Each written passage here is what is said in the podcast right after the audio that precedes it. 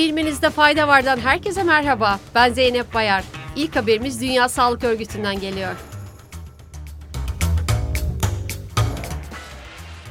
Çin'de son aylarda artan Covid-19 vakalarını endişeyle karşıladıklarını açıklayan Dünya Sağlık Örgütü, mevcut duruma dair kapsamlı bir değerlendirme yapılabilmesi için Çin hükümetine veri paylaşma çağrısında bulundu.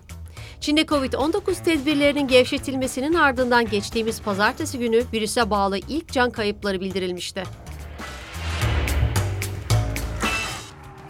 Sırada Afgan kadın öğrencilere ilişkin bir haberimiz var. Avrupa Birliği Yüksek Temsilciliği ve 12 ülkenin Dışişleri Bakanları Afganistan'daki Taliban yönetiminin kız öğrencilerinin üniversite eğitimlerini askıya alma kararına ortak tepki gösterdi.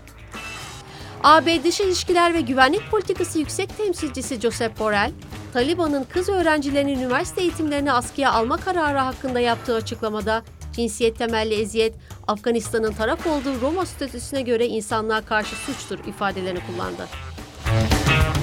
İsviçre hükümeti vatandaşlarına resmi kayıtlarda cinsiyetlerini belirtmek için üçüncü bir cinsiyet ve cinsiyetsizlik seçeneği sunmayı reddetti.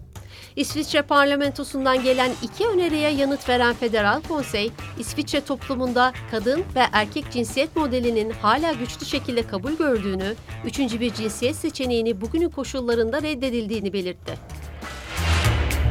Son haberimiz Tesla'dan geliyor. Elektrikli otomobil üreticisi Tesla'nın önümüzdeki çeyrekte bir başka işten çıkarma dalgasına gireceği ve işe alımları donduracağı bildirildi.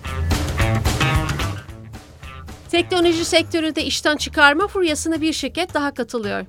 Çinli teknoloji firması Xiaomi'nin azalan gelirler nedeniyle çalışanlarının %10'una karşılık gelen yaklaşık 3500 kişiyi işten çıkaracağı bildirildi.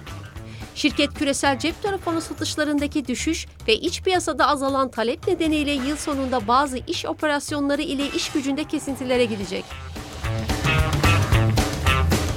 Bilmenizde fayda varın bugünkü bölümünün sonuna geldik. Yarın tekrar görüşmek üzere. Hoşçakalın.